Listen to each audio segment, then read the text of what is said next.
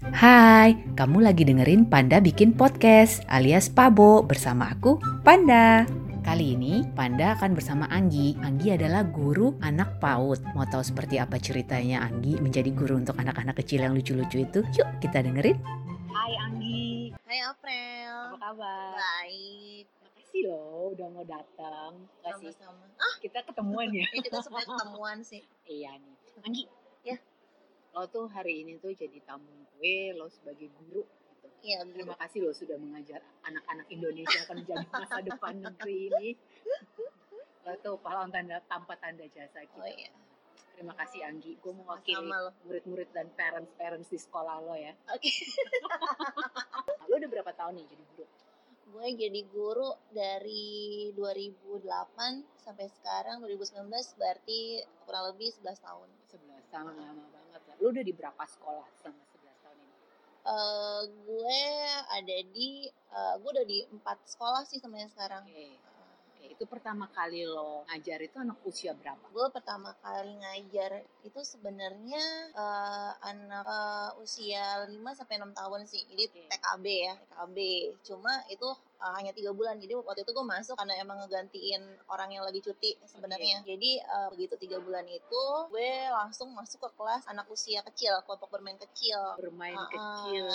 KBK ya? Iya KBK itu usia 2 sampai 3 tahun. Dan entah kenapa semenjak itu gue selalu uh, ngajar di level itu atau uh, lebih ya paling lebih uh, tua dikit 3 sampai 4 tahun. Ya, tapi tetap ini ya, yang istilahnya kalau di mata gue itu masih anak-anak banget.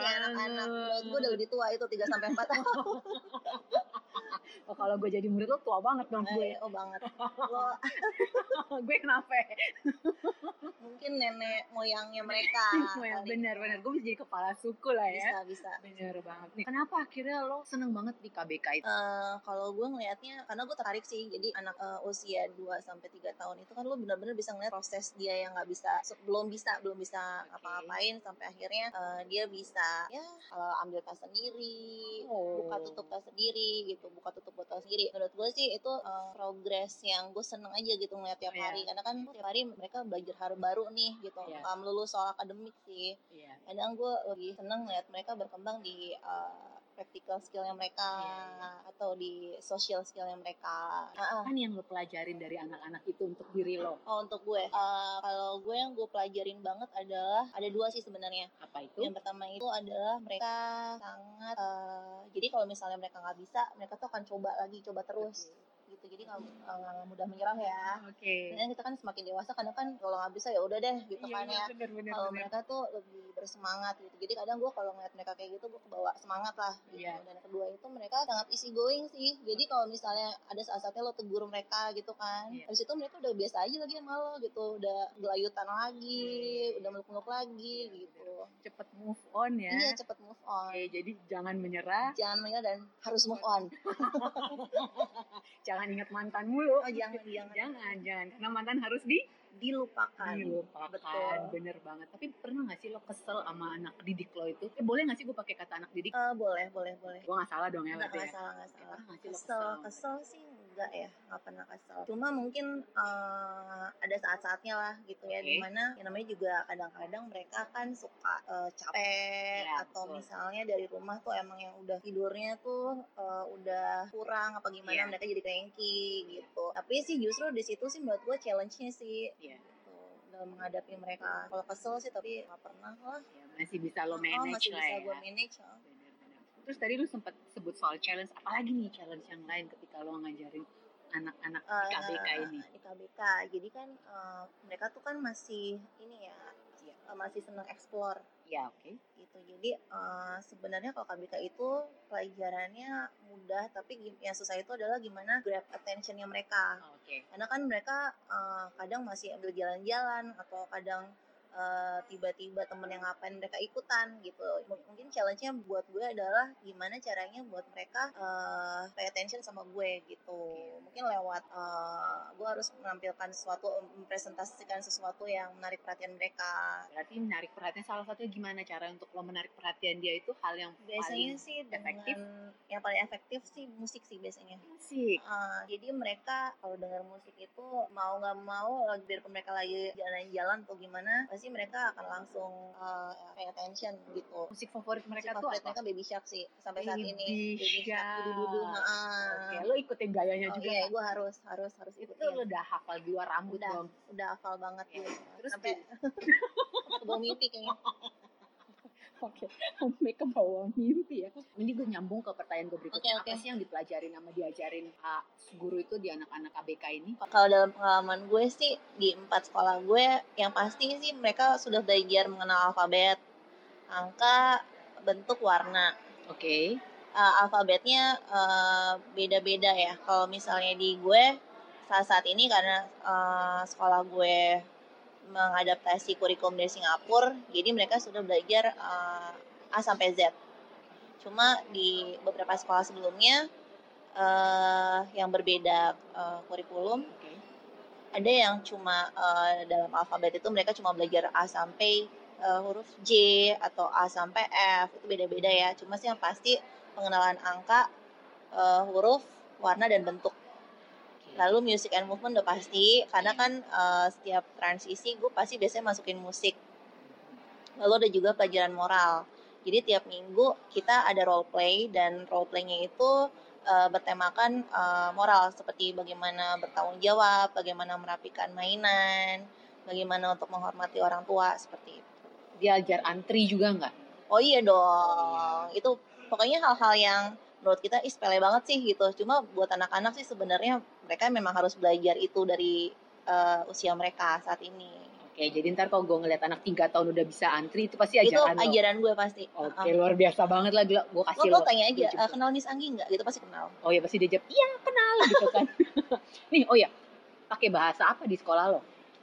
Gue eh, menggunakan bahasa Inggris. Oke. Cuma di eh, di ada satu sekolah sebelumnya gue pakai bahasa Indonesia. Oke, berarti anak kecil-kecil itu udah just choose in English ya?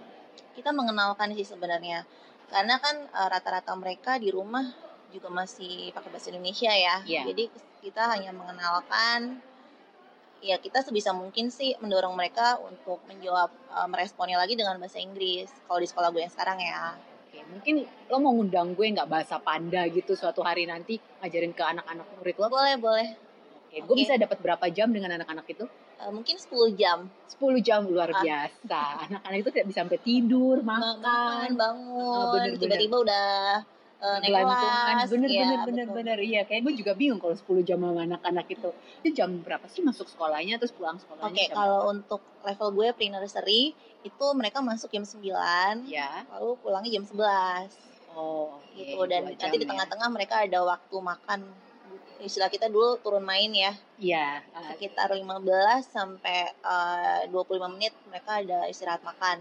Nah, di situ juga eh, gue tuh udah eh, mengajarkan mereka sih untuk eh, ambil makanan sendiri, Iya. terus udah gitu eh, suap makanan sendiri, pakai sendok sendiri, terus udah gitu habis itu membereskan makanannya sendiri gitu. Oke, jadi ajaran cuci tangan juga. Oh iya, aja cuci tangan. Oh iya, ini informasi buat lo ya. Oke, Jadi gue kan gede di Makassar nih. Iya. Nah, pas lo bilang tadi turun apa tadi turun, turun, main, turun main. Nah, main. di Makassar istilahnya tuh bukan istirahat, bukan turun main, tapi keluar main. keluar main. Keluar main. Makanya tadi pas lo bilang turun main, gue agak geger budaya gitu. Oke, berarti anak-anak di sekolah lo rajin cuci tangan, Cuci tangan. rajin rapiin meja, Rapiin meja. benar bawa barang-barangnya dia, terus Iya. diajar sharing juga nggak sih? Oh iya dong. Berbagi sama Berbagi sama teman-teman. Oke, berarti tidak ada anak yang nangis karena nggak mau dibagi. Pernah nggak sih ada yang nangis kayak gitu Oh karena pernah ada pernah. temennya agak rada egois? Iya, gitu? jadi kan anak usia segitu eh, egois itu suatu yang normal buat mereka. Karena kan eh, tingkat ego mereka tuh masih sangat tinggi kan. Lagi sih itu challenge lo. Gimana eh, biar mereka mau berbagi sama teman-temannya gitu. Again lo nggak bisa mengharapkan lo eh, mengajarkan hari ini terus besok mereka langsung mau gitu. Iya. Kadang perlu seminggu dua minggu kadang tiga bulan mereka baru mau gitu tapi begitu mereka akhirnya bisa tuh kepuasan buat lo sih Luar yang tidak bisa dinilai dengan uang Asik. Pernah nggak ada murid lo posesif banget sama lo? posesif banget ya pernah Caper banget atau bagaimana? Lo tau dari mana kalau dia posesif? Apa dia langsung selalu deket-deket lo, minta peluk lo atau ada anak lain yang lo perhatiin dia langsung kayak nggak, cengeng gitu? ini Atau bukan gimana? posesif lebih lebih gini jadi eh, dulu tuh ada anak yang mamanya tuh sampai nelfon gue Oke. katanya malam-malam gitu dia kayak ngigo-ngigo nama gue gitu ini terus gue gue mimpi buruk atau nah itu dia gue kan jadi hah ini kenapa ya gitu tapi gue bingung kok anak setiap ketemu gue biasa aja. Iya. jadi kayak eh, ya udah kayak biasa aja kayak anak-anak lainnya gitu. Kadang sih dia masuk kayak ngeliatin gitu. Kadang ya itulah gitu. Kadang gue suka kenapa ya? gitu. Eh itu sih yang agak buat gue agak unik ya pengalaman Iya, agak unik iya. gitu. Karena mamanya sampai nelfon "Miss, eh itu masa tadi eh gue nyebut nama nih nggak apa-apa lah ya. Papa Denny DeVito kan? Danny DeVito. "Eh, hari ini eh, malam tadi nah ini ngigoin nama Miss Anggi gitu Oke, ngigoin nama Miss Anggi. Mm-mm. Tapi mamanya Miss Anggi Miss Anggi Ah, gitu mamanya nggak bilang anaknya ini besok pagi cerita ke mamanya kalau dia mimpi buruk gitu atau dia emang kangen banget sama lo atau nah mungkin pas itu hari misteri itu. yang sampai sekarang belum gue pecahkan Oke, Vito sekarang masih ada di itu sekolah lo sekarang atau udah SMP sih harusnya Oh, Vito udah SMP. Mungkin Hmm. Vito juga udah lupa sama mimpi itu. mungkin udah mimpi tapi gue masih ingat Vito, kalau lu mendengarkan ini, lo harus cari Miss Anggi sekarang juga.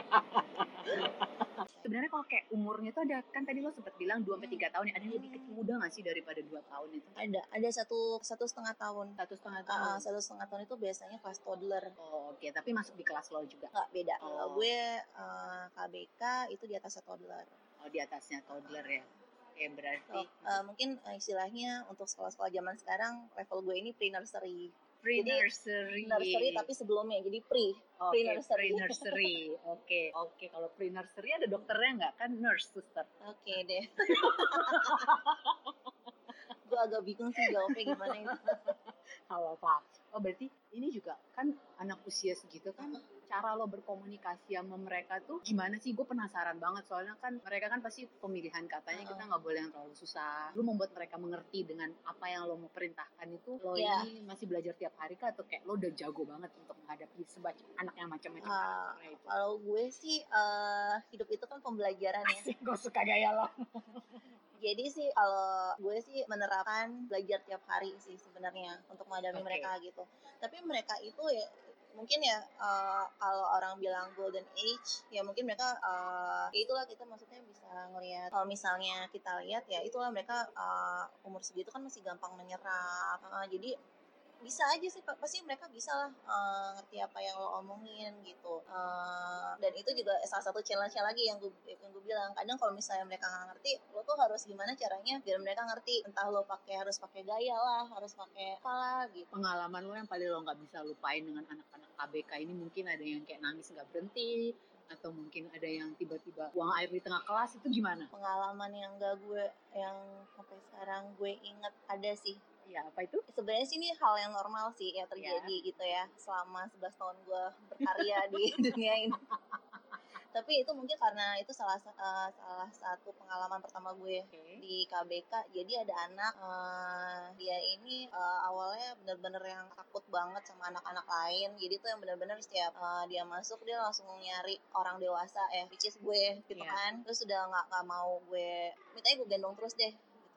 gendong terus dia takut sama anak-anak lain segala macam sampai eh, akhirnya eh, dia bisa eh, berubah gitu loh. Jadi yang gue inget itu bukan dia nangisnya atau dia minta digendong terus, tapi yang gue inget itu justru perubahannya dia gitu sampai akhirnya eh, dia bisa berani sama anak lain, terus dia bisa eh, apa ya gue bilang ya dia bisa lebih eh, cheerful lah di kelas. Tadi kan yang benar-benar yang aduh mukanya kalau masuk kelas aduh uh, kayaknya udah aduh ini gue hari ini ngapain lagi ya banget gitu ya. sampai akhirnya dia bisa enjoy ke sekolah dia bisa nyanyi nyanyi dia bisa seneng seneng sama teman-temannya itu sih itu sebenarnya itu pengalaman gue bersama dia gue uh, melihat prosesnya dia itu itu salah satu yang sampai sekarang gak gue lupain gitu itu berkesan lah menurut gue Gue terharu anaknya udah ini. anaknya udah SMP dan terakhir gue ketemu dia dia masih inget gue gitu. Dia nggak langsung lari meluk lo lagi kan? Enggak cuma dia kayak Sanggi gitu. Terus gue yang oh lo masih inget ya? gitu. Iya orang dewasa yang selalu dia peluk kalau dia nangis gitu. iya iya. Iya itu macam lo kayak comfort zone-nya dia iya gitu loh. jadi bukan ke nangisnya atau gimana sih cuma lebih ke proses perubahannya dia tuh sih sampai sekarang gue ini banget Dan itu juga banget buat itu gue yang bikin lo juga tetap kayak lo suka banget dengan pekerjaan lo ini ya? Iya.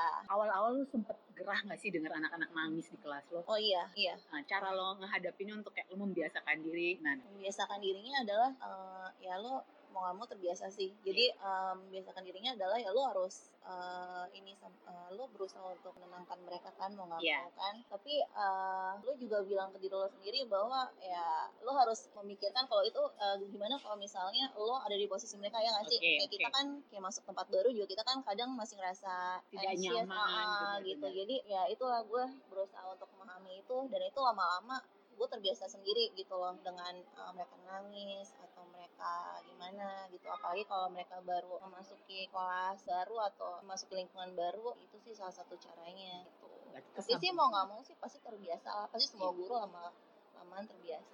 Berarti kesabaran lo sekarang levelnya ini udah oke banget ya untuk anak-anak khususnya? Again. Menurut gue sabar itu juga pembelajaran oke terus menerus sih jadi tiap hari lo juga belajar belajar untuk sabar terus belajar untuk sabar terus nih tadi kan kita udah bahas soal anak-anak soal lo nah sekarang gue mau lihat soal parents nih oke oke Oke, nih parents zaman sekarang kan ah, beda ya sama beda banget. orang tua kita Iya. zaman sekarang sama parents zaman sekarang tuh beda banget. Ah. Kalau dari sudut pandang lo sendiri, parents ini lo bisa kategoriin itu kayak gimana sih? Mungkin ada parents yang rewel banget, atau ada Hmm. parents yang cuek banget, Hmm. atau ada malah parents yang ya percaya deh sama Miss Anggi. Hmm, Yang- kayaknya tiga-tiganya udah pernah gue hadapi Udah sih. pernah Iya. hadapi. Yang paling ekstrim ada nggak kasusnya parents? Eh, paling ekstrim ada menurut gue ya. ya menurut lo.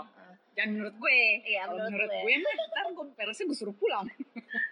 Jadi kalau menurut gue ada yang eh jadi kan eh, gue itu pas awal-awal kerja di tempat yang pertama kali, jadi gue Iya. eh, setiap minggu itu harus bikin eh, weekly report Oke. Gitu. Dan di weekly report itu eh, lo udah kasih tahu ke parentsnya gitu. Jadi lo parentsnya harus eh, kembaliin misalnya hari Rabu atau kalau telat weekly report untuk minggu ini nggak akan ditulis gitu. Oke. nah kita udah kasih tahu sama parentsnya seperti itu jadi pada suatu saat eh, dia tetap balikinnya telat gitu dan gue bilang eh, di dalam eh, report itu ya saya minta maaf saya tidak bisa menuliskan report hari ini dikarenakan keterlambatan anda mengembalikan buku dan buku gue dicoret-coret sama dia Oh ya? ya Wow. coret-coret Terus? katanya eh, wah ini berarti kamu malas nulis report kita akan Wow. escalate this ma- eh, apa masalah ini iya. kepada prinsipal kamu gitu padahal kan itu sebenarnya peraturan yang prinsipal gue Iya, juga kan betul, yang betul. bikin gitu tapi sih untungnya eh, setelah dijelaskan dia eh, ya dia cukup merasa lah itu salah juga ya kayak Iya. gitu kan maksudnya mungkin mu- kalau misalnya dia ingin komplain mungkin tidak seperti itu caranya kan bisa kayak ketemu Biasa, langsung ya, sama ya, bijak lah ya. gitu kan akhirnya sih tapi eh, diselesaikan dia minta maaf ya udah tapi itu salah satu bukan salah satu sih eh, yang paling ekstrim sih menurut gue itu yang paling ekstrim. ah Yang tadi lu udah bahas soal ekstrimnya. Kalau yang menyenangkan ini, yang banyak menyenangkan dari Paris satu aja kalau gitu. banyak banget Sesuatu banyak yang banget bikin heartwarming banget. heartwarming kayak gue lagi pikir-pikir dulu nih soalnya banyak banget nih Gak apa-apa, pasti dari 11 tahun pengalaman lo itu yang menyenangkan tuh lebih banyak daripada yang tidak Oh menyenangkan. iya, iya itu benar itu benar banget heartwarming sih mungkin gue baru eh, merasakannya tadi kali ya Oh, yang paling boleh, boleh. Kenapa? yang eh, yang paling gue inget ya maksudnya karena baru terjadi hari ini gitu Iya. jadi eh, hari ini kan gue field trip seperti yang gue bilang sama lo tadi Iya. terus tiba-tiba eh, ada orang tua murid yang WhatsApp gue terus dia bilang "Eh, Miss terima kasih ya atas kerja kerasnya hari ini. Menurut gue sih itu sesuatu yang oh wow ini parents eh, menghargai eh, kita juga ya kayak gitu. Itu sih bikin gue ini sih bikin gue wah itu gue juga appreciate banget sama yang dia itu yang dia sampaikan. Benar-benar karena sebenarnya mendidik anak itu adalah kerjasama dari pihak sekolah, guru dan juga betul parents. betul. Iya. Oke, berarti bagi parents di luar sana, hargailah kerja keras para guru yang telah mendidik anak-anak kalian ya. betul Betul, sekali. Tiana.